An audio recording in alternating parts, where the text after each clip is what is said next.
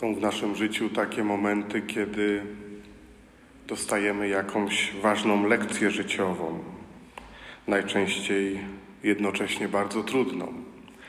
I myślę, że te słowa Pana Jezusa z dzisiejszej Ewangelii to jest taka jedna z najtrudniejszych życiowych lekcji, jakie mógł dać człowiekowi. Bo jeżeli dobrze słuchaliśmy tego słowa, to powinno się w nas otworzyć takie myślenie, ale w jaki sposób? Jak to zrobić? Jak dojść do tak wysoko postawionej poprzeczki w relacjach z drugim człowiekiem? Jak przyjąć każdego bez wyjątku? Jak za każdego się pomodlić? Jak każdego chcieć doprowadzić do Pana Boga? Każdego człowieka bez wyjątku. Jak sprawić, by nie oddać złem za zło? I po co to robić? Dlaczego mam nadstawiać drugi policzek, oddawać więcej niż ktoś chce mi ukraść? Przecież my robimy wszystko na odwrót. Bronimy się, pilnujemy, żeby nam nie ukradziono. Jak nam ktoś wyrządzi krzywdę, to staramy się w jakiś sposób wymierzyć sprawiedliwość. A Jezus przychodzi i daje zupełnie inną lekcję życia i mówi: Chcesz być moim uczniem? To to jest droga. Mówię, jedna z najtrudniejszych lekcji, jakie Pan Jezus mógł dać człowiekowi. I moi drodzy, warto dzisiaj nie tylko pytać się, w jaki sposób dorosnąć do takiego życia, ale też dlaczego. I myślę, że kluczem jest to, co mówi dzisiaj święty Paweł, te pierwsze zdania. Czyż nie wiecie, że jesteście świątynią Boga i że Duch Boży mieszka w Was? Jeżeli ktoś zniszczy świątynię Boga, tego zniszczy Bóg. Kluczem jest to, jak Pan Bóg patrzy na człowieka. Kluczem jest to, że Pan Bóg, widząc człowieka, widzi świątynię, w której mieszka Duch Święty, albo powinien mieszkać Duch Święty. Widzi świątynię kogoś, kogo chce mieć, kogoś, kogo chce zbawić. I trzeba to dobrze gdzieś w sobie mieć, żeby zrozumieć w ogóle całą tą dzisiejszą lekcję. Że perspektywa Pana Boga jest zupełnie inna niż perspektywa człowieka. Że Pan Bóg naprawdę zupełnie inaczej widzi świat, zupełnie inaczej widzi ludzi niż my widzimy. On, kiedy patrzy na wszystkich, którzy chodzą po tej planecie, to w każdym widzi swoje dziecko. Nawet jak się pogubi, nawet jak porobi jakieś głupoty, nawet jak uczyni wielkie zło, to dla niego to dalej jest jego dziecko.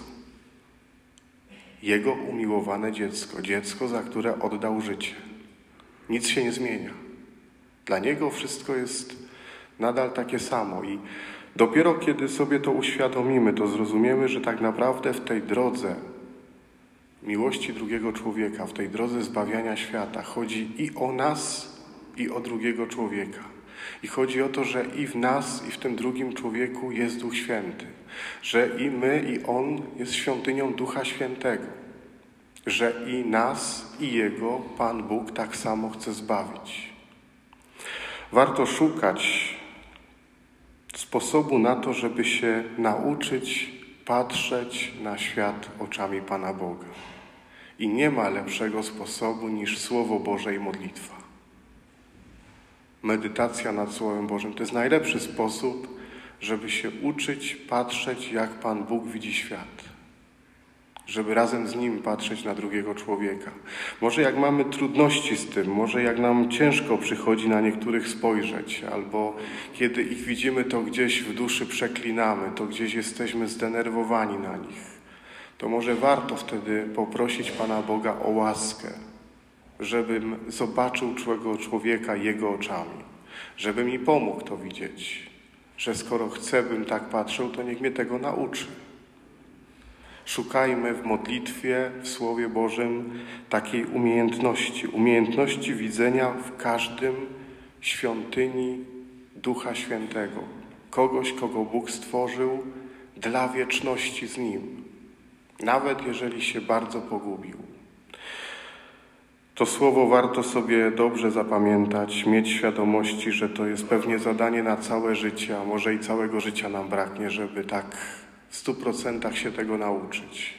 Ale to nie zmienia faktu, że trzeba codziennie próbować, że trzeba codziennie się pytać, czy byłem kimś, kto nadstawił drugi policzek, czy byłem kimś, kto był gotowy przyjąć tego, który mi wyrządził krzywdę. I nie chodzi o to, żeby mówić, że nic się nie stało. Pan Jezus nic takiego nie mówi. Nie mówi, że trzeba zrezygnować ze sprawiedliwości. On mówi tylko, że trzeba nadstawić drugi policzek, czyli wybaczyć.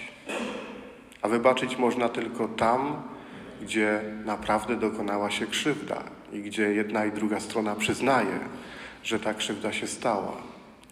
Starajmy się szukać w tym Słowie Bożym i w takiej dobrej, codziennej modlitwie takiego Boga, który nam będzie pokazywał, jak patrzeć na drugiego człowieka.